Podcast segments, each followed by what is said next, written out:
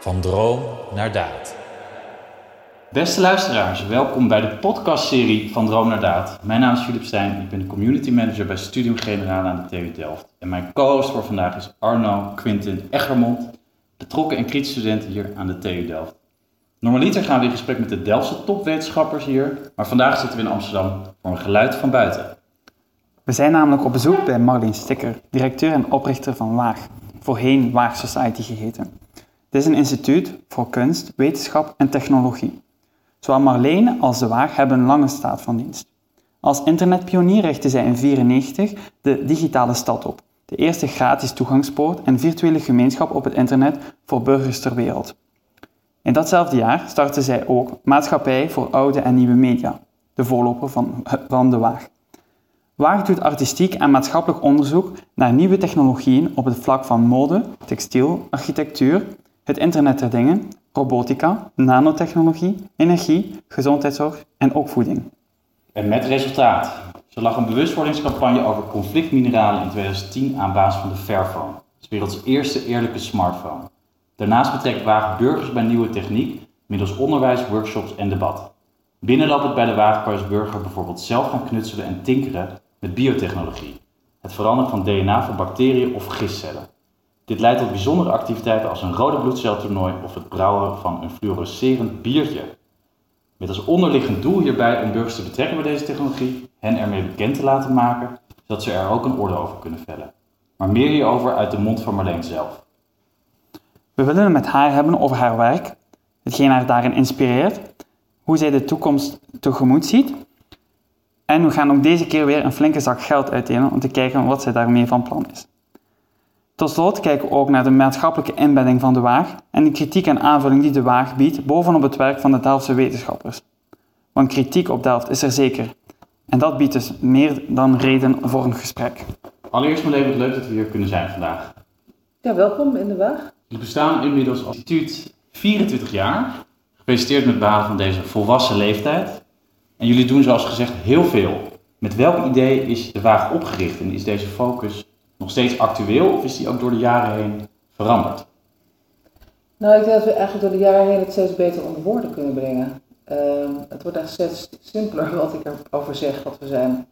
Want het, het heeft echt een poosje geduurd voordat uh, mensen begrepen wat wij deden. Mhm. Maar ook voor onszelf om de juiste termen te vinden om het uh, in uit te, uit te drukken. Dus als ik nu zeg, we zijn een publiek onderzoeksinstituut. Ja. En publiek in de zin dat wij dus niet per se academisch of bedrijfsmatig denken, maar vanuit maatschappelijke vraagstukken. Een publiek onderzoekinstituut en waar we ons vooral mee bezighouden is met opkomende technologie.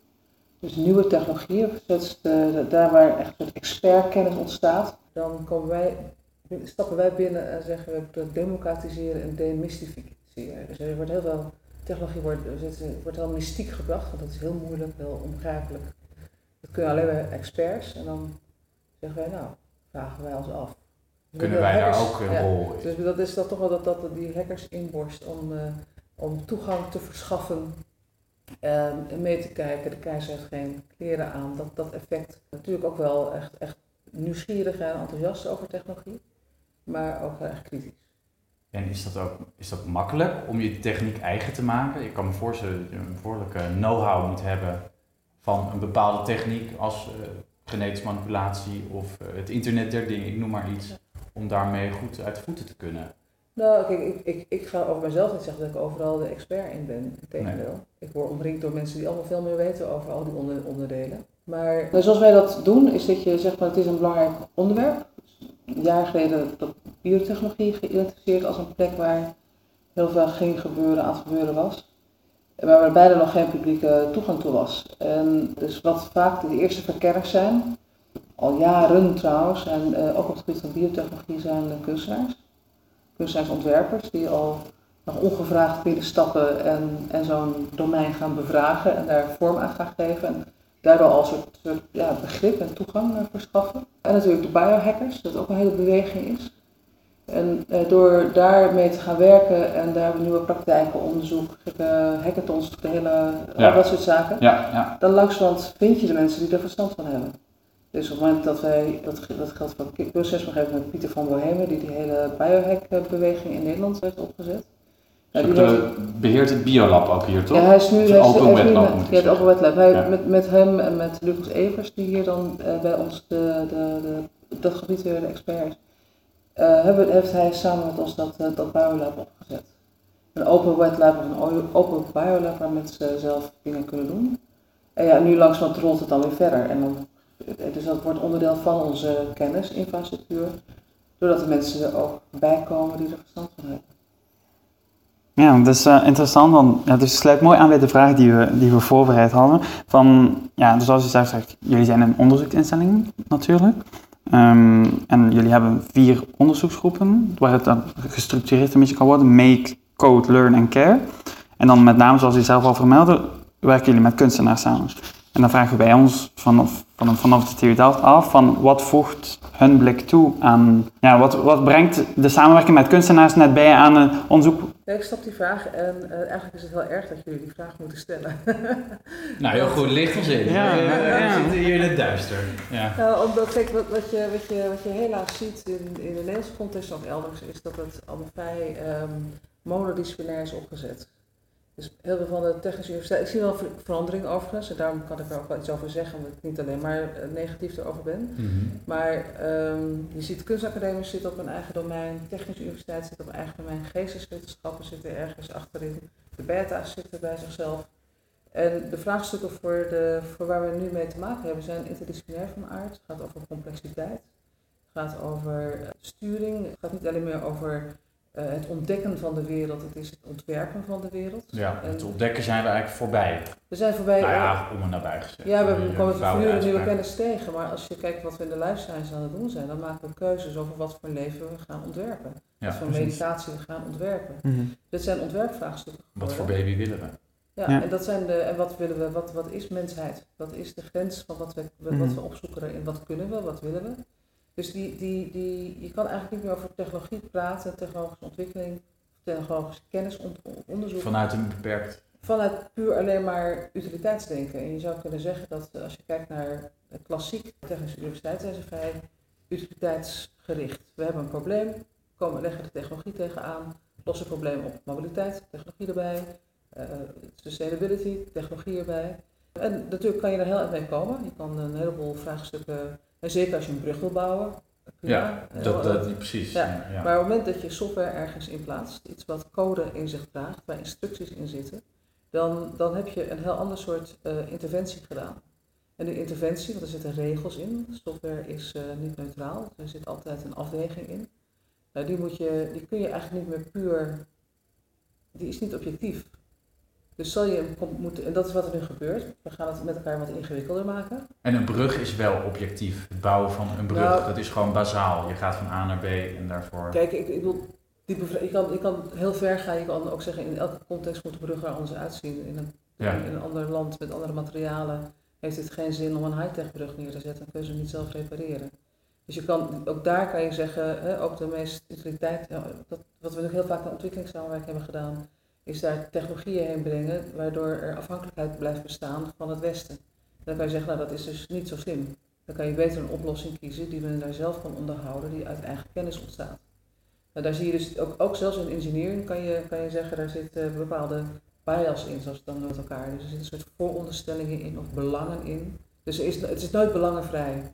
Maar laten we zeggen, de, de, de, complexiteit het vraagstuk neemt toe op het moment dat het over eh, digitalisering gaat. En zeker ook als het over eh, de combinatie van ICT, technologie en nieuwe le- leefvormen, nieuwe, nieuwe biologische structuren. Omdat de interventies dan niet meer zo neutraal zijn. Dat is Ja, eigenlijk ze, zijn, ze eigenlijk nooit neutraal, maar dan kan je ze nog zien. Dan kan je dat, is makkelijk het waar te nemen. Op het moment dat je er, eh, eh, het, het, het op basis van software, algoritmes, datasets en dergelijke gedrag genutst wordt, zoals we dat dan met elkaar gaan noemen, Ja? dan, dan kan je dat dus niet meer zeggen dat, je dan, dat, dat, dat dat in zichzelf een objectieve actie is. Mhm. Dan betekent dus dat, je, dat, het, dat het kader waarin je handelt, dat je daarin moet, hey, vooronderstellingen moet blootleggen. Waarom denk je dat dat het goede handelen is? Al die blockchain for good, al die, al die ontwikkelingen die er nu zijn, ja, for good, wat verstaan we dan onder goed met elkaar? En dat dus is die discussie wordt die- een stuk moeilijker, omdat puur alleen maar vanuit zeggen, nou het werkt, het werkt niet. Is dat dan waar de kunstenaars ook een rol in spelen? Om, om Ja, dat kijk- te bevragen ook, what's the good? Nou, voor, voor mij, ik wil voor mij zijn kunstenaars ook weer niet heilig. Dus waar, waar het ons vooral om gaat, is het speelveld te vergroten en, en, de, en daarmee dus het interdisciplinaire karakter te vergroten. En ja, daar horen ook kunstenaars in. En wat ik interessant vind aan kunstenaars, en voor mij is het heel belangrijk om het verschil te maken tussen de kunst die zich bezighoudt met de kunstmarkt, die dus bezig is een carrière te maken in galeries en musea en podia, en de kunstenaars die zich met de vragen bezighouden en de, en de bevraging van de werkelijkheid bezighouden. En dat zit natuurlijk ook wel in die kunstmarkt, maar over het algemeen, als we het in Nederland hebben over kunst, dan raakt iedereen een beetje van steek, want dan vinden ze allemaal hele eigenwijze mensen die bezig zijn om een, ja, in, in, in een museum terecht te komen. En als je breder kijkt, dan zie je een heleboel kunstenaars die echt dezelfde vragen stellen als wetenschappers. Wat is het om mens te zijn in, in de toekomst? Wat is, wat is identiteit? Hoe gaan we onze werkelijkheid organiseren? Wat is de publieke ruimte? Dus ze stellen die vraag dan soms net wat ingewikkelder, omdat ze ook een andere methode kunnen hanteren. Dus als je academisch onderzoek Ja, eh, gaat wil volgens een doen, bepaald stramien. dus een bepaald stramien zit je Ja. vrij, vrij in het pak genaaid, om het maar zo te zeggen. Je zit Ja. vrij in een, het is ook vaak zo dat er is een hoogleraar, die zit al in een kennisdomein, die wil citaties, die zoekt daar PhD-studenten bij. Dus je zit eigenlijk al met elkaar vrij klem. Dat kan fantastisch werk opleveren, maar het is wel erg geconditioneerd in de zin van wat het wel en niet kan zijn. Eh, kunstenaars die hebben grotere vrijheid. En wij, wat wij veel doen is kunstenaars en wetenschappers met elkaar samenbrengen. En dan zie je dat eigenlijk in de nieuwsgierigheid en in het bevragen men, men echt elkaar heel erg kan vinden. Ja. Maar dat men methodisch op een andere manier kan werken. Dus waar de wetenschapper eigenlijk bij voorbaat geobjectiveerd moet werken. En, en, zich, eh, kan een, eh, en dan moeten we altijd begrijpen dat het altijd nog subjectief is. Want dat wordt vaak niet altijd helemaal begrepen van de wetenschap. Daar kan de kunstenaar. eh, Ja, je meetmethode bepaalt hoe je je data. Ja, dat is- ja, dat- dat dat wordt- bedoel je daarmee toch? Van het objectieve data, dat het niet. Ja, dat bestaat sowieso niet. Nee. Dat is, Nee, dat- en dat is echt soms echt voor mensen heel erg moeilijk te begrijpen. Maar objectieve data bestaat. Het zijn allemaal interpretaties van de werkelijkheid. Ja. Het is niet de werkelijkheid zelf. Precies. Hoe jij het En meet. in de waarneming zit ook al je, een deel van je resultaatbesluit. Nou, en, de, en de kunstenaars, de kunsten kunnen eigenlijk vrij naar hun eigen richting. Iedereen heeft daar een eigen methode in. En komen dan soms doordat ze dat vaak in een heel erg in een concrete context aan het onderzoeken zijn, met mensen samen, komen soms tot inzichten die ja, ook intersubjectief zijn. Dus op een gegeven moment kom je toch met elkaar op dezelfde eh, kennis uit. Dat is ook het belang van die interdisciplinaire samenwerking eigenlijk. Hè? Het Ja. samenvoegen van. En dus Ja, jij en denkt, als Vanuit dat. dus, dus niet, en de, daarom is als het over interdisciplinair gaat, dan gaat het bij dus niet om alleen maar kunst en wetenschap, maar ook eh, maatschappelijke actoren. Eh, z- zeker, we hebben, we hebben natuurlijk veel met elkaar te maken met de slimme stad. Ja, dan zijn toch echt mensen, eh, als je daarover wil praten, dan moet je het hebben over regelgeving, over regulering. Mhm. Wie ontwerpt de wetten? Ja, daar komen we later nog, eh, nog op, Ja. hè, Arno? Ja, Nee, maar zeker. Wat ik wil zeggen is dat ik, eh, dat als het gaat mij over die samenwerking tussen kunst en wetenschap, ik het niet, niet een, ook dat niet weer een, dat ik nog steeds graag daar in het maatschappelijke perspectief ook mee wil hebben. Ik vind het ook wel een beetje soms gevaarlijk dat ook kunst en wetenschap met elkaar zich weer kan opsluiten in een hoekje en zeer zelf, Mhm. zelf ingenomen eh, met zichzelf kan zeggen, nou we hebben toch mooi prachtig werk gedaan. Zo inclusief mogelijk eigenlijk hoor Ja, vandaar dat ik het ook public research noem. Eh, want publiek, public research, publiek onderzoek, dat betekent dat je ook allerlei vormen zoekt om dat samen met maatschappelijke spelers, burgers, stadsmakers samen te doen. En dat is dan watgene wat u dan mist, zeg maar, aan instelling aan de TU Delft, dat het te veel gereguleerd wordt en dat het allemaal te veel vooraf, vooraf vastgelegd wordt van zo gaan we het doen en dat er een te veel een kader is, laten we zo stellen.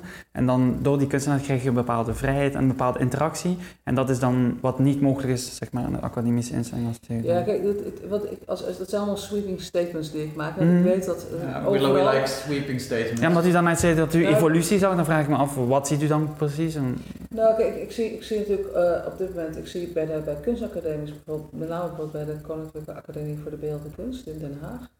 Daar opent men nu de deuren. Dus daar heb je een hackerslab en daar heb je, dus daar, daar gaat alles nu door heen lopen. Dat is ongelooflijk spannend wat daar gebeurt. Dus, daar, dus, niet, dus daar zit eigenlijk ook een heel groot stuk technologieonderwijs in en ook een technologiepraktijk. Aan de TU Twente zie je met zo'n design lab, daar zie je ook dat er, dat er kunst, ontwerp, eh, technologie bij elkaar komen. Dus ik zie op meerdere plekken dit wel gebeuren, maar het is allemaal nog heel voorzichtig.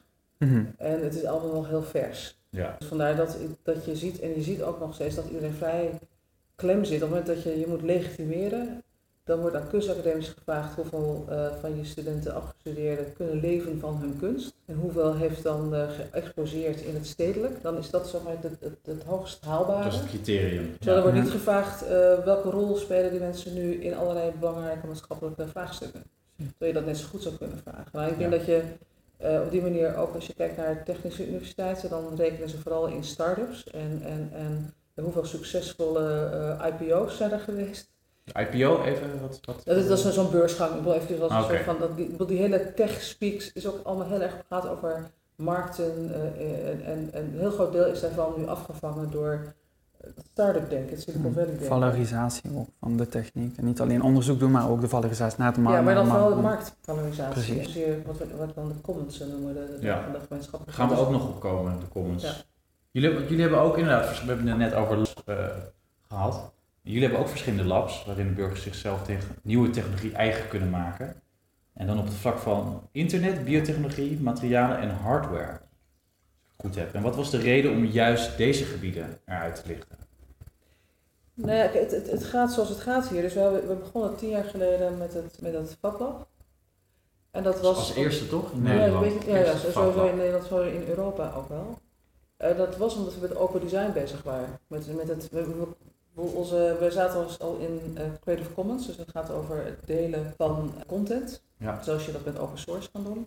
Er kwam daar echt vanuit ons perspectief ook dat idee van open design bij. En daar komt die digitale fabricatie, begint daar dan een rol in te spelen. Dan heb je herhaalbaar ontwerp, wat andere mensen ook onder dezelfde condities kunnen uitvoeren als je dat deelt. Dus die, het is een soort standaardisatie van, van personal fabrication. En langs zij komt dat biolab en dan heb je pas in twee infrastructuren die samen weer kunnen leiden tot het onderzoeken van nieuwe materialen. Want dan kan je dus en alles maken met het FabLab en je kan alles laten groeien met het biolab. Dus nu langzaam ontstaat hier dus een hele praktijk over uh, nieuwe materialen, duurzame materialen, het verven van textiel met bacteriën. Dus er ontstaat dan langzamerhand beginnen dus allemaal mensen ja, onderzoekspraktijken omheen te bouwen. Dus het is ook soms wel volgt, de een volgt steeds uit het ander. Ja. En nu binnen de wagen hebben we denk ik nou, een prima set van, van een soort, soort zo'n open, open infrastructuur. Van zowel de machines voor biotechnologie als de machines voor digitale fabricatie. En de, de, uiteraard is ook de, de technologie om zelf sensors te kunnen bouwen en hardware te kunnen ontwikkelen en software, uh, software uiteraard. Dus dan, dan begin je vrij, uh, vrij ja, nou, 360 graden te raken. Wij, wij, kunnen hier wel even spelen, denk ik. Met, ja, je zit, ja, ja, iedereen heeft hier wel, of je hebt allemaal wat te ontdekken. Dat is, dat is natuurlijk ook wel interessant dat niemand kan claimen dat hele gebied alles te snappen. Dus dit is ook een plek waar je eigenlijk vooral leert samen te werken, peer learning, van elkaar te leren. We hebben drie academies hier lopen in de Waag. De Fab Academy, de Biohack Academy en de Textile Academy. En je ziet dat dat dus steeds mensen zijn met heel veel verschillende achtergronden die op één gebied dan wel een expert zijn, maar op al die andere niet. En dat is gewoon... Uh, die vinden elkaar ook hier. Die vinden elkaar, Die, ja, die ontdekken nieuwe, nieuwe, nieuwe mogelijkheden. Mm. En dat, dat, daar zit ook die interdisciplinariteit in.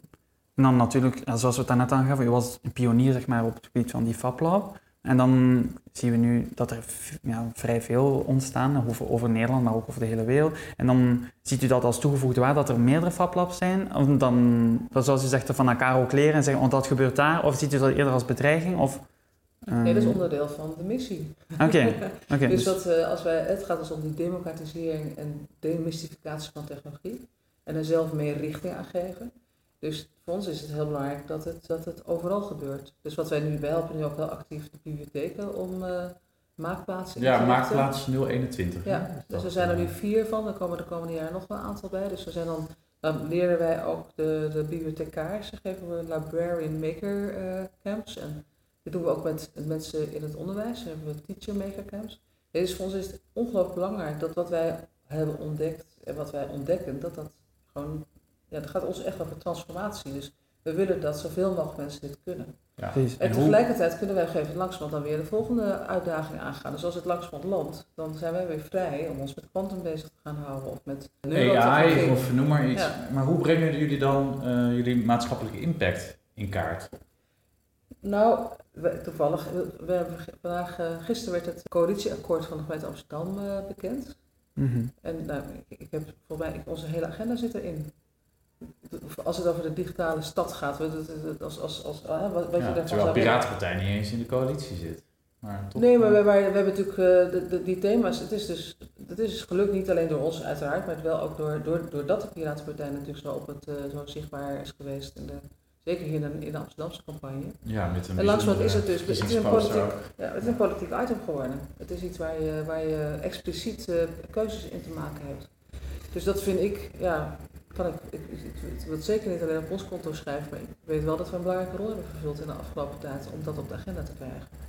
Dat zie ik als een, een maatschappelijke impact. Op het vlak van digitale infrastructuur, om daar... Dat Ja, maar ook daar- wel een bevraging over big data, data commons, strategieën rondom de slimme stad of juist de slimme burger.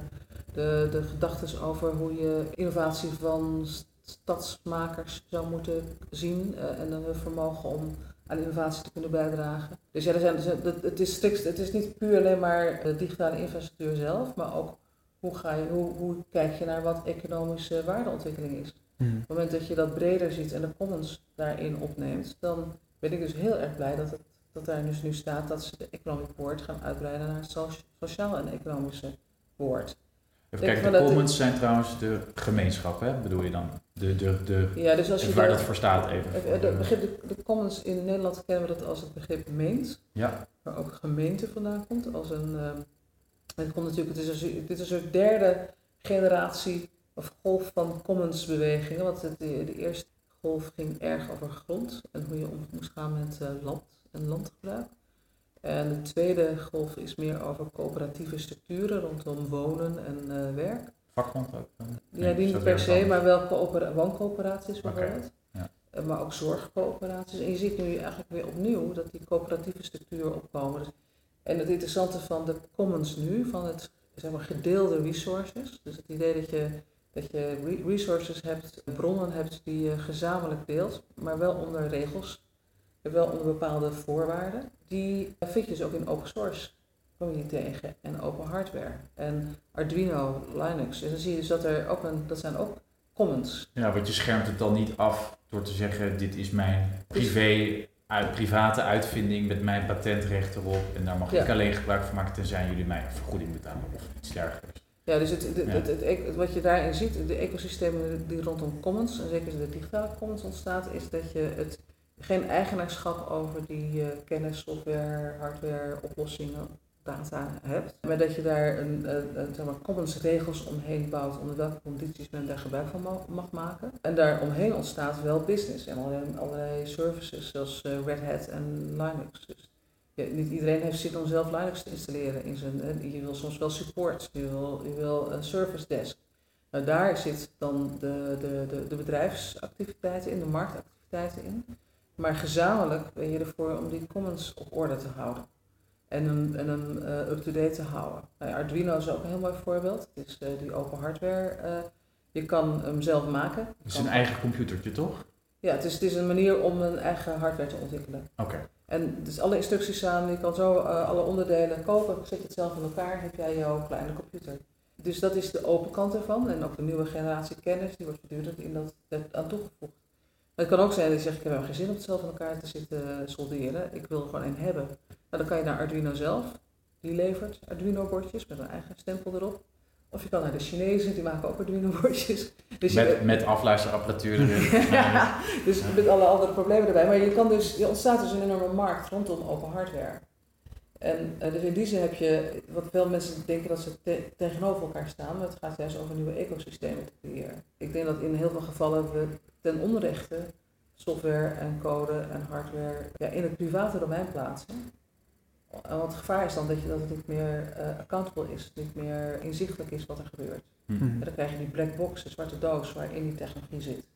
En waarvan je aan de buitenkant niet weet wat de werking van binnen is. Dus democratisch toezicht betekent dat je, dat je op het moment dat je open gaat, een open infrastructuur kiest, dat dat eh, bij voorbaat beter daarop toe te zien is dan als het gesloten is. Ik denk dat wij hier nog op terug gaan komen. Later Ja, in het denk ik gesprek. ook. We willen even vliegen, we vliegen even de toekomst in namelijk. We leven nu eh, 2050. Als jij het orakel van Delphi één vraag mag stellen over de toekomst van techniek in de maatschappij, wat zou je dan vragen? Ja, ik, ik, heb, ik leef al heel erg lang bij, bij de gedachte dat je en de toekomst niet kan voorspellen en dat die toekomst ook niks te vragen is, maar dat het alles te maken heeft met je handelen nu. Dus die toekomst is datgene wat wij nu aan het doen zijn. En dat, eh, daar maak ik me veel drukker over dan brengt. vormgeven en het bouwen. Ja, dat, wat, wat, wat, welke, welke mechanismen hebben we nu, waarvan wij, eh, zodat in ons handelen nu, we zorgen dat de toekomst begaanbaar blijft. Dus ik heb eigenlijk geen enkele vraag aan de toekomst. Omdat je ervan overtuigd bent dat je gewoon bij hem nu bouwen en dat wij eigenlijk ja, de toekomst vormgeven door wat we nu onderzoeken en wat we nu... Ja, je hebt die be- befaamde you can't predict the future, only can create it. En ik denk dat dat, dat, dat is een, inmiddels wel een gevleugelde term geworden, of een uitspraak geworden. Maar dat is wel eentje waar ik, ik, wat, wat mijn principe is. Dus de, de, en ik, ik merk ook dat ik altijd een beetje moeite heb met futuristen en, en allerlei eh, voorspellingen. Of ik denk, ja, ik, ik, ik heb honderden, ik, ik ga nou, in dit, als het over internet gaat, 25 jaar mee. Dat is best, best, best een poos, maar je ook steeds ouder op te voelen. En dat ik denk, ja, datgene, ik heb, je, je kon voorspellen wat er gebeurt, omdat je, als je goed analyseert wat er nu gebeurt, dan heb je al beet. Dan hoef je echt niet de toekomst voor te gaan Hmm. voorspellen. Je, je, je analyse van nu. Wie, wat drijft op dit moment innovatie? Hoe zit onze financiering in elkaar? Wat snappen mensen er eigenlijk van? Nou, daar zit nu de, dat, daar is volgens mij de urgentie in. En als ik dan vraag naar een ideale wereld bijvoorbeeld in 2050, dan zegt u ook van ja, dan analyseert u wat er nu misgaat en zegt van nou, dat wil ik dat opgelost hebben, laten we zo stellen. Of, ja. Ja. Oké. Vrij, vrij simpel eigenlijk. Ja, nee, dat is heel, heel handig. Dus ik, ga, ik ga niet vliegen- vliegende auto's voorspellen Ja. die zelfrijdend of zelfvliegend Een beetje futuristisch, ja. ja ik, kan, ik, kan ook, ik kan ook heel ver doordenken over wat het betekent. Kwantumtechnologie, nieuwe inzichten over neurobiologie. Dan kan je ook zeggen, nou in 2050, eh, dan zien we onszelf niet meer als individuen, maar als, dan, dan herkennen we onszelf als lichaam niet eens meer als één geheel. Ik weet niet of het zinvol is, het is heel erg leuk om daar science fiction over te maken.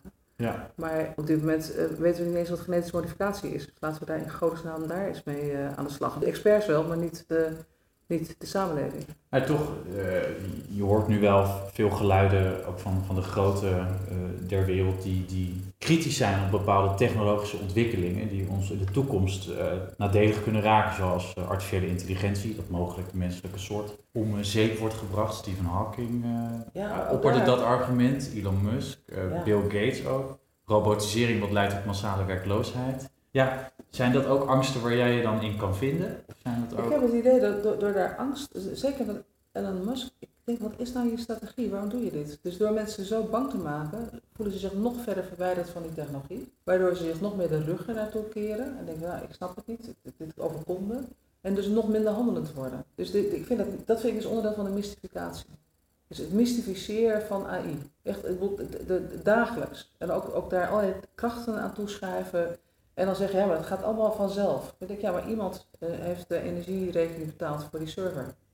Iemand heeft daar de instructie in gelegd. Iemand is eigenaar van die AI. Dus, dus je, je mystificeert het eigenaarschap van artificiële intelligentie. En dat, wat de echte vraag zou zijn, wat drijft die bedrijven om AI toe te passen? Als dat kwartaalcijfers zijn, een exponentiële groei en aandeel, aandeelhoudersbelang, dan maken we ernstig zorgen. Als het AI is wat we in de commons hebben, waar we toezicht op houden en waarvan we zeggen, nou dit is dat vinden we niet prettig, dat wel, hier werkt het wel, daar werkt het niet, ben ik er niet bang voor. Dus mijn, mijn, mijn gevoel is het, en zeker al die biljonairs die bezig zijn om ons angstig te maken voor artificiële intelligentie en deep learning, ik heb het echt, ik, heb, ik heb erover na zitten denken, maar waarom uitgerekend zij? Ik denk omdat ze zichzelf niet vertrouwen. Ik denk dat ze zelf zien wat, wat, wat, wat, in wat voor een dynamiek zij zitten. En hoe zij zelf tot hun biljoenen zijn gekomen. En dat ze merken dat ze daar eigenlijk helemaal geen drijvende kracht in zijn. Wat bedoel je met het laatste, dat zij daar zelf geen... Nou, het lijkt, het- ze, Het zijn, zo, ze, zijn de posterboys, ze zijn de posterboys van, van een kapitaalmarkt. En die kapitaalmarkt, daar hebben ze zelf ook geen zicht op. Want er zitten kwants in, er zitten mechanieken in, er zit, er zit macropolitiek Het in. glipt hen zelf boven. Het ontglipt hun zelf. Mm. Maar dat heeft, het zegt niks over of artificiële intelligentie of deep learning eh, zinvolle technologieën zijn. Ik geloof zeker dat het zinvolle technologieën zijn. Maar, je, maar er zit nog altijd een, een mechaniek in van wie, wie, heeft het bekostigd? Wat is de instructie? Wat is de opdracht van die AI? Mm. Nu we het toch over geld hebben, lijkt me een leuke vraag om, om te stellen van... Ja, stel, de, de, podcast heet ook, reeks heet van droom naar daad. Dus als ik nu zeg, we geven nu ja, heel groot budget, een paar miljoen, 100 miljoen of zo. En dan, ja, wat, waar zou u dat dan aan besteden, zeg maar? Waar, waar gaat het dan mis dat de markt zichzelf niet reguleert? Waar zou u dan wel kapitaal in injecteren, zeg maar?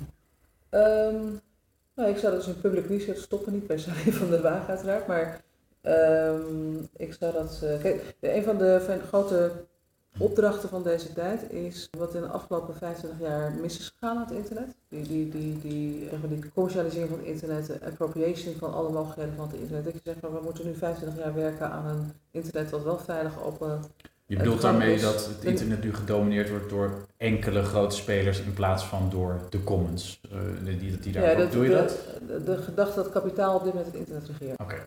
Ja. En wil je komen tot een internet wat je weer kunt, waar je weer in kan geloven, dan zal die op een andere lees geschoeid moeten zijn. En dat is, we hebben binnenkort een, een, een bo- boottocht, de, Public Stack boot, een soort ark van Noach. Nodigen we allerlei onderdelen van het internet uit die wel die commons of open of ja, zeg maar, maatschappelijke democratische waarden die in die oplossing zitten. Dus je zou kunnen zeggen dat zijn op applicatieniveau, je DuckDuckGo, ik noem maar even een Power en, Ja. en, en eh, Signal en ProtonMail en nou.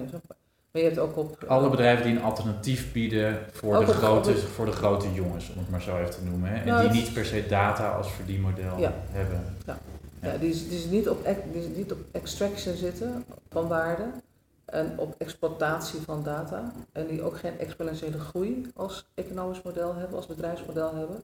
Maar gewoon maturing ec- economics. Dus gewoon een bedrijfsvoering die gewoon een normale bedrijfsvoering. En ik, wil ik geloof wel in bedrijfsvoering. Dus ik, ben, ik geloof ook dat een bedrijf eh zekere marge moet hebben om te kunnen investeren weer. Dus ik ben, bedoel, even voor de, ook weer voor de duidelijkheid, want soms mensen denken, ja, extreem in het kant van gaan we communisme bedrijven. Mhm.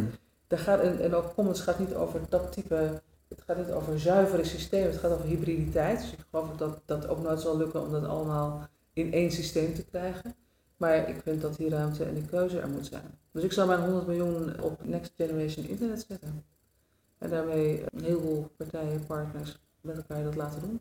Dus die public stacks bijeenkomst die we hebben, daar komt een agenda uit. Nou, dat is dan de agenda voor dat eh, Public Mhm. Research Instituut die met 100 miljoen op pad gaat.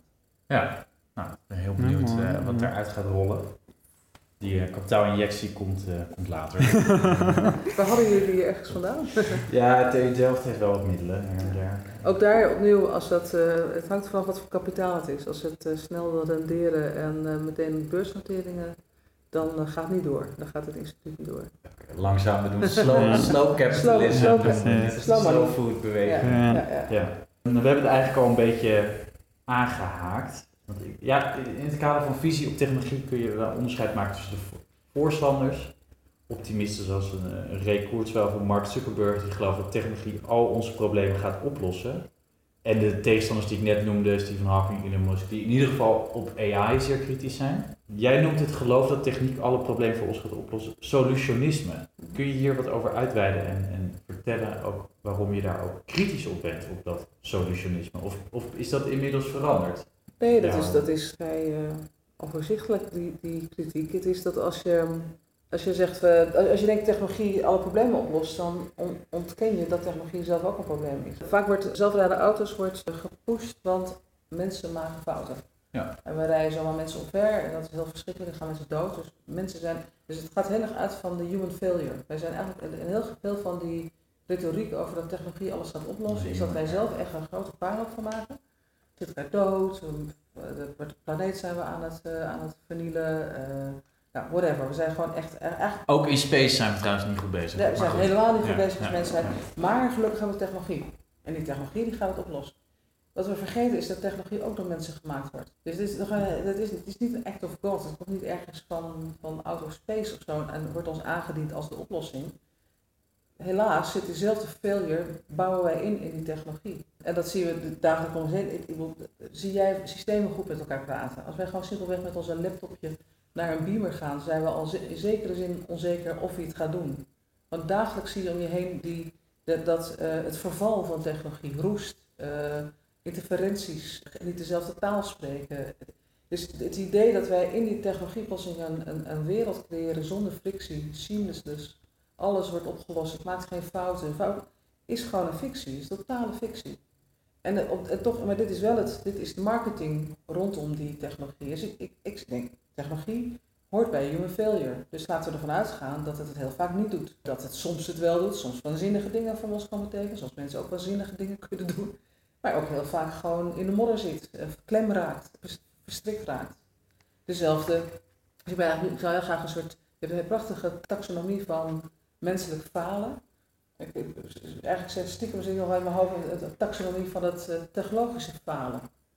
En ja, ik, ik, Dus die bestaat er laten we al? in godsnaam eh, realistisch blijven. Nee, nee, Ga je daar die 100 miljoen Nee, ik wil graag met jullie, laten we dat samen gaan doen. Hoort bij die 100 miljoen.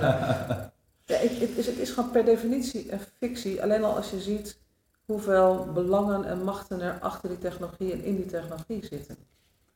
En dat is dus dat idee van een, van een toekomst waar eh, de technologie het overneemt en het allemaal dan heel erg veel beter wordt. Ik begrijp niet waar mensen dat op baseren. Ja, want dat, dat is wat we, dan, wat we natuurlijk ook zien, is dat technologie brengt heel veel voordelen voor mensen, zoals wij het dan zien. Dingen die voorheen misschien helemaal niet konden. Eh, we kunnen gewassen kweken op gronden waar het voorheen niet mogelijk was. We kunnen smakelijk herproduceren, synthetisch. Ja, zelfs nieuwe smaken die ja, niet wisten dat ze bestonden. Werk kan efficiënter worden uitgevoerd. Precies. En dan natuurlijk leest dat ook leest dat kostenreductie, economische, economische Ja, maar dit is, dit is de, de- de- op zich ben ik, ik bedoel, dat ik, ik ontken niet dat er heel veel mogelijk is. Integendeel. Ik zie, Ehm, maar je had het net over de, de, de tegenstelling tussen de critici eh, Ja, die geloven en, de, en degene die zegt dat, dat, het, dat er helemaal geen probleem is. Nou, ik vind, wat ik al net al zei, ik vind ik, degene die, die extreem waarschuwen voor technologie zijn vaak degenen die er zelf heel veel aan verdienen. Dus daar gaat iets Ja. mis. En, en ik, ik, ik vertrouw niet helemaal. En degenen die eh, heel erg optimistisch zijn, verdienen er overigens ook heel veel aan. Dus ik, ik, ik zoek liever een, een, een, hè, een kritische re- relatie tot technologie, betekent dat in, in de zin van onderscheidend.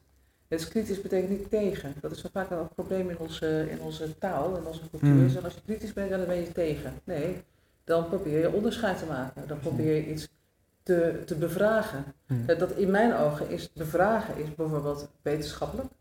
Ik vind het dus ook soms heel raar dat wetenschap technologie niet bevraagt. Dus als ik eh, soms zit je met, bij informati- informatica en dan vinden die, die, die positie dat data niet objectief is gewoon heel erg ongemakkelijk. Dat, dat werkt, dat, is dat willen ze liever niet aan. Dan denk ik, nou ja, als je wetenschap bedrijft, dan is je toegepast, oké. Als je wetenschap bedrijft, dan moet je je vooronderstellingen prijsgeven. Dan moet je eh, in staat zijn om de context weer te geven, de bias weer te geven. Precies. Dat, dat veronderstel ik van, van een wetenschappelijke praktijk, een academische praktijk. Mhm. Maar in de economie ook. Bij economie is men gewoon economische modellen vanuit die in de 20e eeuw zijn ontstaan aan het toepassen. Dat betekent niet dat je kritisch bevraagt wat economie is en wat financiële markten zijn. Je bent bezig om te leren aan mensen hoe ze zich moeten, eh, ja, stand moeten houden in het systeem.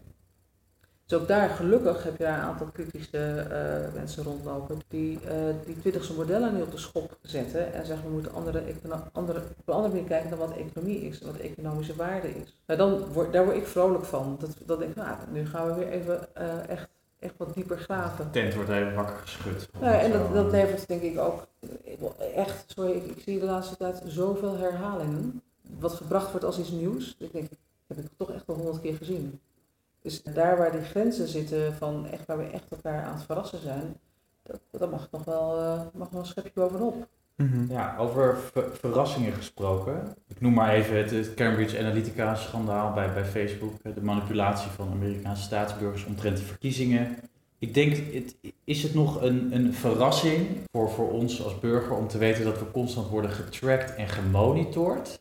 Niet alleen door een Facebook, maar ook, ook met ontwikkelingen als Smart City, smartphone, apps of websites of de NSA. En in hoeverre is het ook problematisch dat we al ons gedrag eh, op die apparaten of, of in de stad eh, wordt getracked en gemonitord. Ik denk dat het eh, extreem problematisch is. En ik denk dat, het, dat we nog maar aan het begin staan van het te begrijpen wat voor effecten dat heeft op, op onze samenleving. Ik merk wel een enorm verschil. In, de afgelopen half jaar, als ik mijn verhaal hou over bias en systemen en de hele, de, de- mijn, mijn verhaaltje, dan was het heel lang heel erg provocatief. En mensen van nou, nou, nou, weet je, je bent ook een beetje, je bent ook een beetje alsof je een beetje conspiracy-denker bent. In nou, je fan van Andrew Keen, by the way? Kwam gisteren was die ja. bij. Ja, maar ja, ik weet, het zijn gewoon, dat hoort gewoon bij het, hoort bij het, bij het, Het ecosysteem, laat zeggen. Ja, wat er nu gebeurt met Cambridge Analytica, Facebook, Trump, Mercers, Poetin, Trollbots, inderdaad. hebben we bizar. Weet je, dus, dus, Ja. eh, dit, dit, dit- dus datgene wat, ik wil, we hebben hier volgens mij in 1989 samen met Public NetBase uit Wenen een grote tentoonstelling georganiseerd, worldinformation.org. En daar zat een hele grote eh, exhibit in, een, onderdeel over Echelon.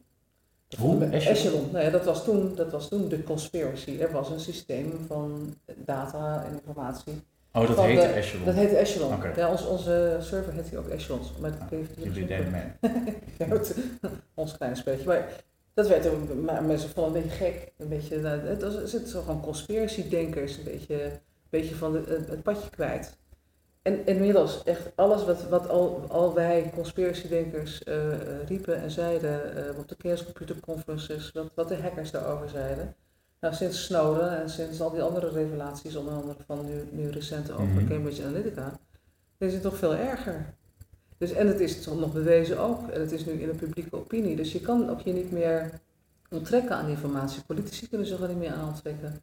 En eh, besluit, besluitnemer, dus mensen die, die in het beleid zitten, kunnen zich er niet meer aan onttrekken. Dus als je nu kiest voor surveillance, zoals we dat doen met de WIF, en eh, ik vertel op een gegeven moment in Duitsland wat, wat verhalen daarover, WIF is de sleepwet. sleepwet, Ja. dan eh, heeft het, ik zeg netjes WIF. Ja, dat is inderdaad. Ik vergeet het alweer, Ja, inderdaad. ja. Ja, ja, ja, maar ik dacht misschien weet niet iedereen. Nee, je hebt het helemaal gelijk. Ik noem Ja. het netjes bij de naam, maar het het is een sleepwet. Ja. Nou, dan, dan, dan zijn er dingen aan de hand die fundamenteel tegen het idee van soevereiniteit van de burger indruisen. Vandaar ook dat er nu ook kort geding eh, gaat, eh, gaat plaatsvinden om dat eh, te toetsen. Of dit eigenlijk wel wettelijk kan. Ja, soevereiniteit van de burger, daar doe jij mee op het recht op privacy. Want is privacy niet gewoon dood? Volgens Zuckerberg 2010 eh, is het, geen sociale norm meer, zei hij dat. Ja, maar dat is omdat hij dat vindt. Dat is niet omdat wij dat vinden. Dus het, ik, dat, ik snap die, ook niet dat iedereen dat dan na gaat praten.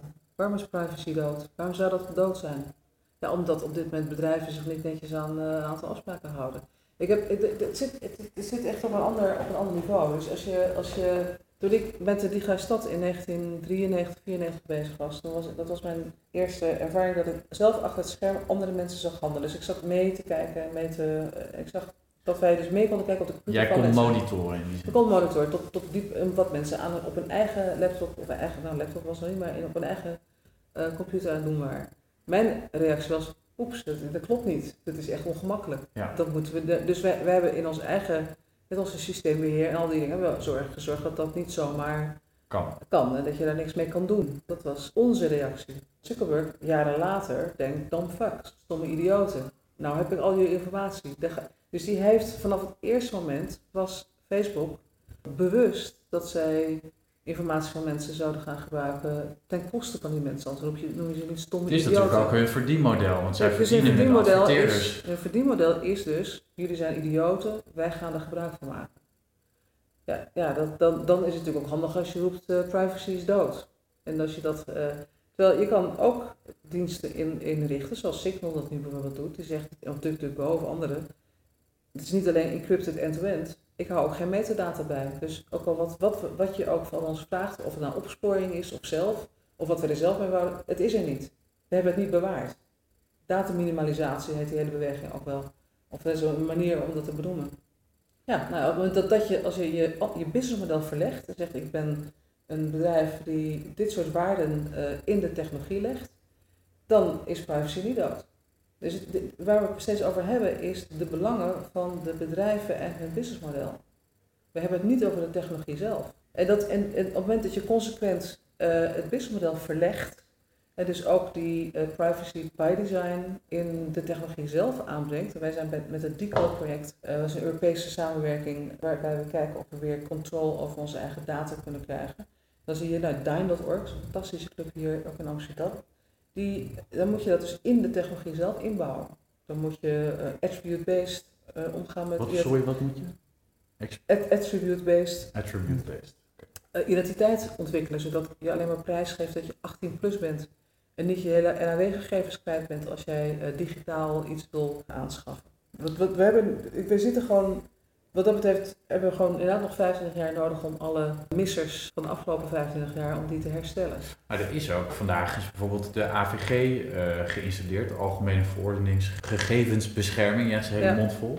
Als je dat, dat bekijkt, dat zou onze privacy beter moeten beschermen. Zie jij in dat, in dat licht ook de politiek aan de slag gaan eh, met dit type vragen en als een overwinning? Dat komt natuurlijk voort uit de Europese wetgeving, de GDPR. Ja. En dat is ook de enige reden dat, dat, dat, dat, dat men hier eh, het heeft aangepast in Nederland. Het had niet vanuit de nationale overheid gekomen, want die zijn, gaan eigenlijk een hele andere kant op met uh, sleepnet. Nee, ik ben, het is natuurlijk, dit is een game changer. Dus dit, de GDPR is een, eh, een, eh, gaat een enorme impact hebben. Het is natuurlijk bizar wat je nu allemaal van allerlei mensen vragen of je, of je of alsjeblieft op hun mailinlijst mag blijven. ja, daar hadden wij het vanmiddag gehad. Ja, eh, precies, over. ja. Maar, eh, en ondertussen de Twitters en de Whatsapps die zeggen gewoon, zeg nou maar gewoon ja, anders flikkeren we je van het netwerk af. Dus er is nu net een rechtszaak eh, over, gestart, een Duitser die een rechtszaak, een Oostenrijker die een rechtszaak is gestart tegen die gedwongen procent die WhatsApp en Facebook dergelijke nu afdwingen.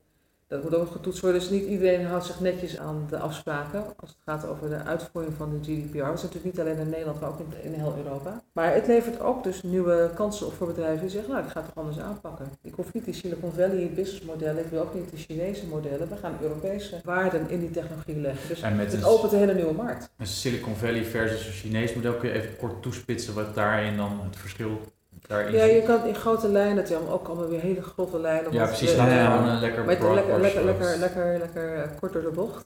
Kan je zeggen dat de Silicon Valley model is hyper individueel. Dus die, die, je zoekt het zelf maar uit.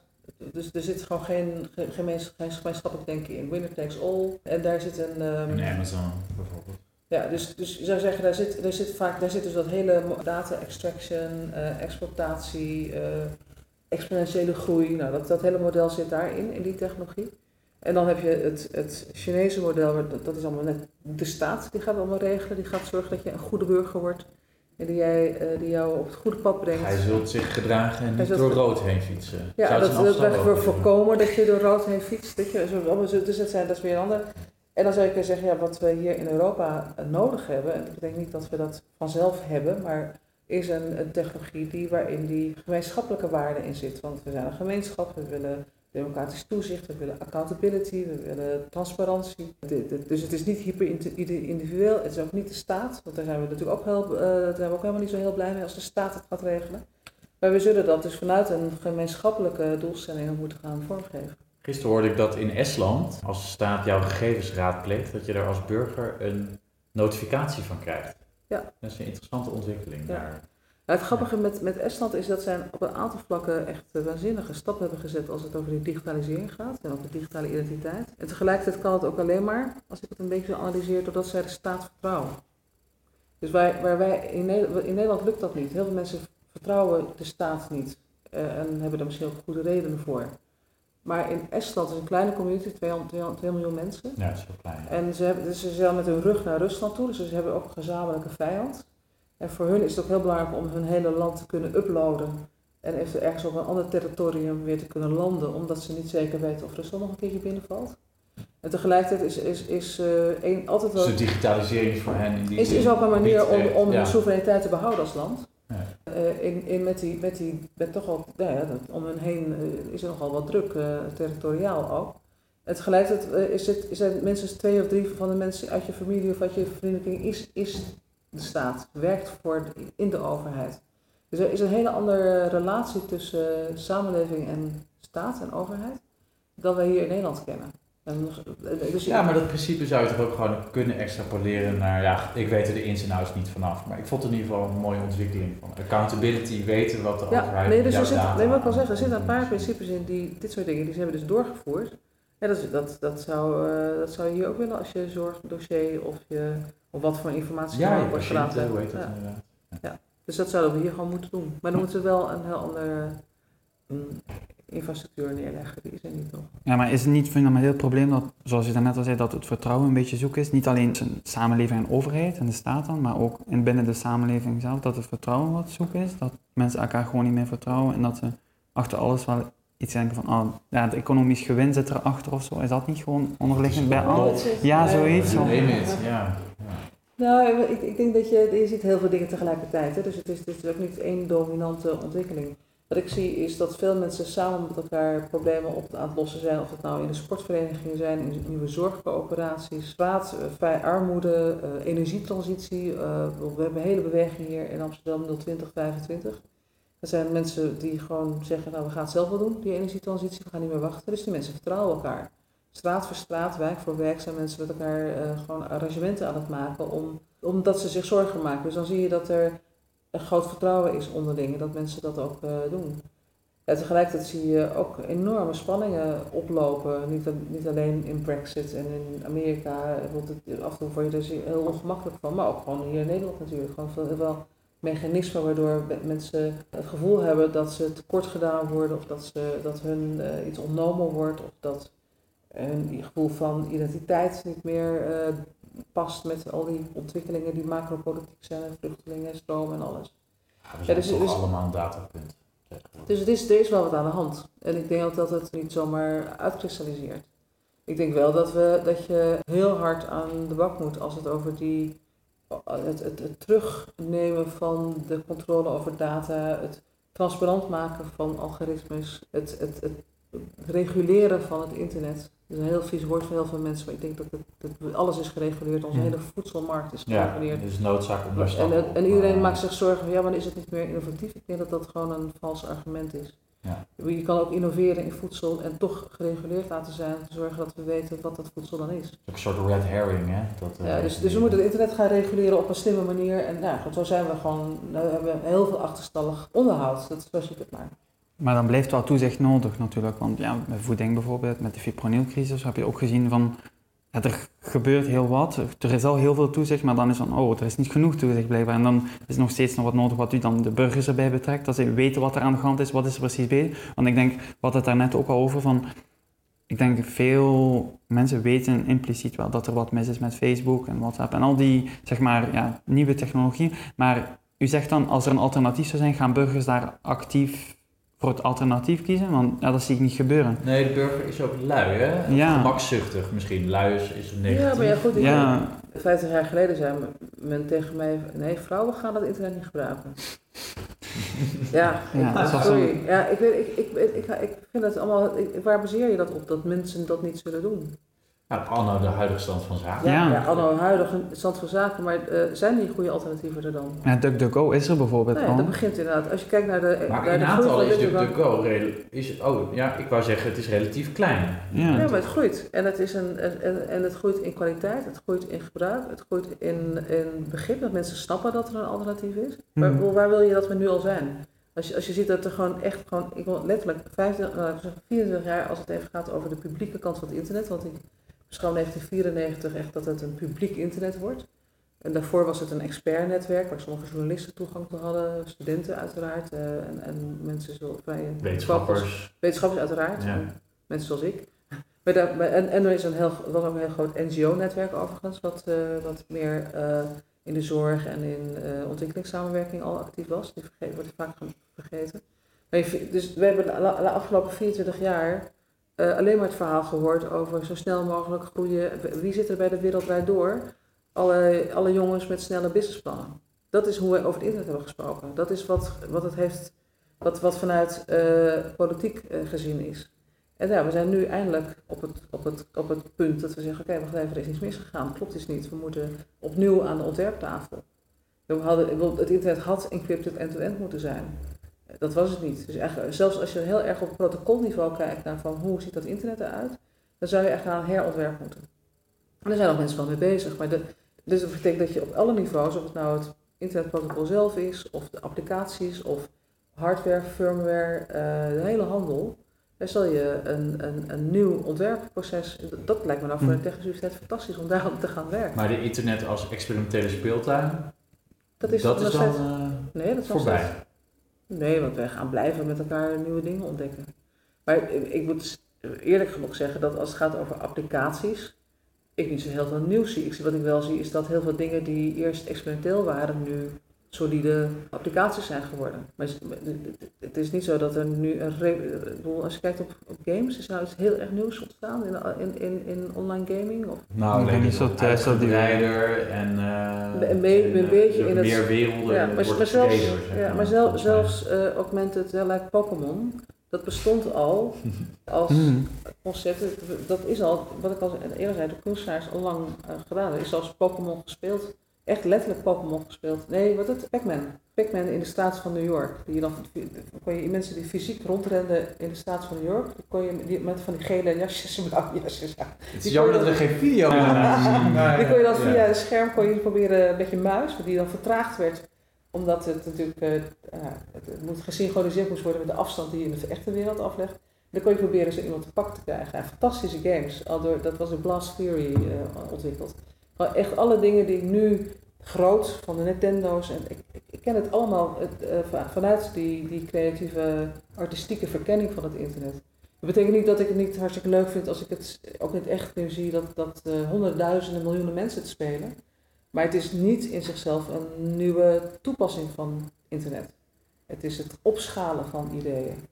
Dus ik zit wel heel erg juist weer te, te popelen naar de nieuwe concepten en nieuwe ideeën. En Vandaar dat wij nu bezig zijn met een AI-lab, waar we juist die kunstenaars en ontwerpers weer bij vragen.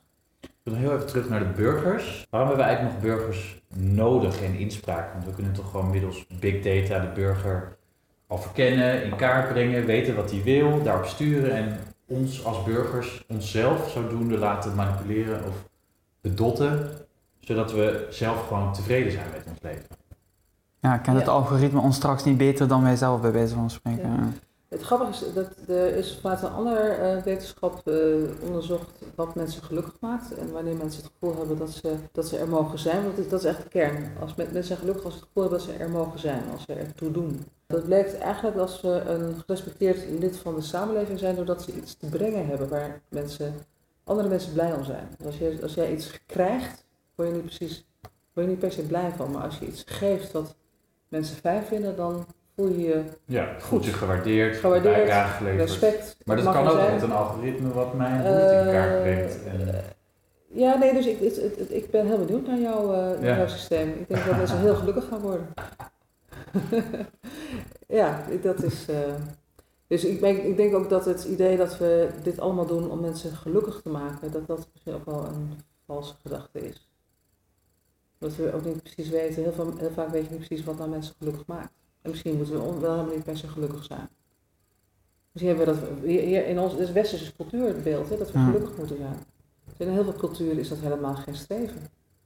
Ja, wat is dus wij, hebben, dat, wij hebben dat echt tot, verheven tot het hoogste goed, gelukkig zijn.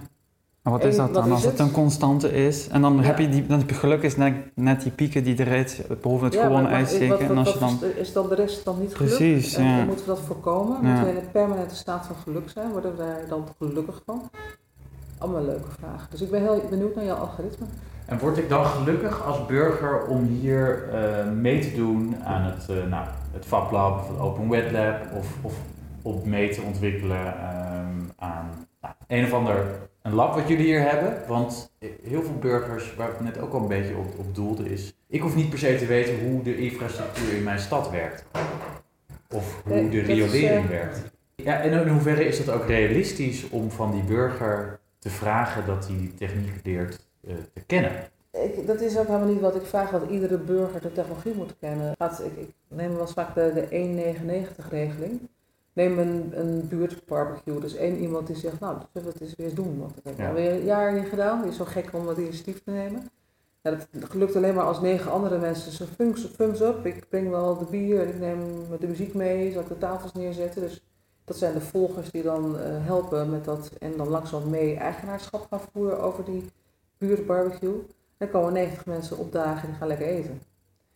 Ja, zonder die 90 mensen is ook geen feestje, maar ze, komen, ze hebben echt gewoon ze hebben geen poot uitgestoken behalve gewoon lekker te consumeren. Ja. Dus het idee dat 100% van alle burgers de actieve burger moeten zijn op alle fronten is natuurlijk ook helemaal niet nuttig en ook helemaal dient tot niks.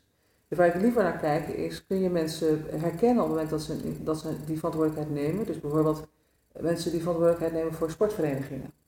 Of die daar achter de, frituur staan om uh, in de kantine te Dat zijn mensen die op dat terrein verantwoordelijkheid nemen. Ik beschouw dat ook als verantwoordelijke burgers die een rol spelen in onze, het construeren van, het, van onze gemeenschap. Nou, andere burgers, daar verwacht ik en hoop ik van dat ze die smart citizen kunnen zijn. Dus die, die zien we hier ook trouwens. Mensen die zeggen, ik wil wel we- weten wat, ik, wat er voor fijnstof er door de straten waait, wat voor een geluidsoverlast er is. Maar niet iedereen hoeft dat dus te pakken, die rol. Nee, Dat dus als in één zegt. straat één iemand dat doet, dan doet hij dat voor de hele straat. Als, dus ik, ik, ik denk meer als je een gemeenschap, als je een stad hebt van eh, een miljoen inwoners, eh, dan ga je toch niet van een miljoen inwoners vragen om allemaal smart te zijn. Nee. Maar je moet wel her- herkennen, en, en daar is het ook zo belangrijk voor, dat je dus niet alleen maar degene die in de technologiedomein verantwoordelijkheid nemen en zeggen, nou die zijn slim. Je moet ook de mensen die, of, of die zijn belangrijk, of die dragen bij. Je moet dus ook de burger die een, rol speelt in te zorgen voor de buurman. En een potje soep drinkt. Ik vind dat net zo'n verantwoordelijk besef en dat je gemeenschap maakt en dat je daaraan bijdraagt. En we hebben innovatie, vind ik wat dat betreft, ook veel te hoog eh, in, de, in, de, in de piramide gezet. Het is gewoon een manier om waarde te creëren. Hartstikke Hmm. leuk, te gek. Ik, ik, ha- ik ben zelf ook hartstikke nieuwsgierig aan wat we allemaal aan gaan zitten tinkeren en knutselen. Maar het is niet het hoogste goed. En we doen dat in de lagere school begint het al. Want als je heel slim bent en heel knap Mhm. en heel intelligent, als je en scheikunde en wiskunde en ook natuurlijk, nou dan mag jij informatica gaan studeren. Ik heb het echt letterlijk meegemaakt net eh, in de derde klas, met een hele groep kinderen wijsgemaakt dat informatica en dus innovatie en dus technologische innovatie eigenlijk alleen maar is voor mensen die heel erg slim zijn. En anders moet je maar gewoon iets anders gaan doen, een beetje taal of zo. weet je. Precies. Ja, precies, alsof dat ondergeschikt We zou worden zijn. echt Ja. zo geïndoctrineerd in, in, in wat hiërarchisch spannend en niet spannend, dat je dat ook moet nivelleren. In de zin dat het, dat het hartstikke goed is als je het ene en het ander kan. En ik denk dat je eh, heel veel mensen mist trouwens, want ik merk merk dat hier dagelijks in de waag, dat mensen vanuit een andere, meer purpose-driven, eh, wil eigenlijk iets oplossen, komen ze binnen. En dan blijken ze veel meer verstand te hebben, zelf hier eh, zitten te solderen, eh, sensors begrijpen, zelfs ook begrijpen wat de bias in, in data is. Gewoon, gewoon, met IRIV RIVM samen kunnen werken. Ik denk, nou ja, dat waren mensen die gewoon zelf op de lagere school nooit hadden begrepen dat zij iets van die technologie zouden kunnen snappen. En simpelweg doordat zij geïnteresseerd zijn in, de, in de, of, of het fietsen op straat wel gezond is, komen ze op het punt dat ze het wel snappen. En dat betekent niet dat zij de developers hoeven te worden of dat zij de experts van de RIVM hoeven te zijn. Maar zij zijn wel in staat om bij te dragen aan de kennis en ook het bevragen ervan en, de, en, het, en het debat daaromheen. En een rol te nemen dus in het maatschappelijk debat. Ja, en dus een Ja. maatschappelijke verantwoordelijkheid te dragen Ja. Ja. Voor, en, dan, en ook opnieuw, dat doen ze dan namen, niet namens, maar doordat er meer van die mensen zullen zijn, kunnen ze daarmee een, eh, een, een, een eh, betere, wordt het poreuzer, laten we zeggen. Wordt die kennis meer gedistribueerd in de samenleving. Ehm, ik had dan nog een vraag, omdat u daarnet al aangaf dat er ja, heel verschillende mensen over de vloer. Heeft u dan het gevoel dat u, zeg maar, iedereen, dat u echt de maatschappij, dat hier een doorsnee van de maatschappij over de vloer krijgt? Dat het echt ook niet hoogopgeleide mensen zijn? Want ja, heeft u het gevoel dat iedereen, als u zegt Waag hier in Amsterdam, dat iedereen weet van, ah ja, dat kan je daar gaan doen. Als ik gewoon nu lukraak op straat hier vraag van, ah, ga je binnen bij Waag? Dat iemand, dat, dat, ja, dat Waag bekend is en waar jullie voor staan en dat mensen dat weten? Of bereiken jullie enkel ook maar, zeg maar, ja, hoogopgeleide, beter, eh, nou, ja, bovengemiddeld inkomen, zeg maar? Het hangt van onze activiteiten af. De, de- dus een deel van onze activiteiten eh, zijn niet zichtbaar. Zoals dat DECODE-project dat we aan het doen zijn, waar we bij betrokken zijn. Dat is een Europees project met experts op een aantal vlakken. Nou, dat, is- dat, is, dat is pas als wij dan naar Pakhuis de Zwijger gaan of met, met dat evenement naar buiten treden, dan zien mensen wat we dan doen zijn. Maar met eh, de maakplaatsen, ja, dat zit, dat zit in, in alle buitenwijken van de stad. Dat is gewoon een, een onderdeel van de Buurt. van de buurt. Als wij met eh Make Health, wat we met zorg, dan zitten we in zorginstellingen met oudere mensen te werken. Ja, die weten niet allemaal dat ze met de waag te maken hebben. Dat, dat, gaat, dat maakt ons ook helemaal niks uit. We gaan daar niet zitten pushen. U heeft nu met. eh, Nee, nee. dit is van de. Dus wij zitten in de haarvaten van de samenleving met onze, met ons, onze research en onze activiteiten. Eh, maar ik weet zeker dat niet iedereen dat koppelt aan de waag. Marleen, hartstikke dank voor dit leuke gesprek. Ik wens je heel veel succes in je verdere werkzaamheden hier. Ik ben heel benieuwd wat eh, de toekomst gaat brengen. En dan ik ben benieuwd wat jullie gaan doen met de TU. Wat jullie voor rol daarin gaan hebben. Ja. De toekomst zal het uitwijzen. En nog één laatste vraag. Eh, heb je nog een kijk, lees of luistertip voor de luisteraars? Nou, ik denk, ik denk, ik heb een paar keer af, nu verwezen naar die comments. En ik denk dat het, eh, en, en mijn kritiek op die economische modellen en businessmodellen. Dus ik denk dat het heel verstandig is om Donut Economics van Kate Raworth te lezen. Het is in het Nederlands en het Engels en Duits en weet ik het allemaal. Recent verschenen boek. Of ja, dit begin dit jaar verschenen. Ze is ook eh, in het land uh, komende Nee. weken. Oh, ze is al geweest ook, dacht ik. Ja, ze is in juni weer terug. Ze gaat naar het parlement. Ik, ik, ik, ik denk dat zij op een hele vrolijke, aansprekende, eh, verbeeldende, visuele manier ook eh, die complexe vraagstukken eh, inzichtelijk maakt. En ook een soort, we het gevoel krijgen, we hebben ook daar wel een rol in. We kunnen hier wat aan doen. Ik, vind, ik ben erg van de kritische blik, maar ik ben ook heel erg van de optimistische blik. We gaan er gewoon lekker weer aan die toekomst Mhm. knutselen. Tinker. Ja. Hartstikke mooi, dankjewel.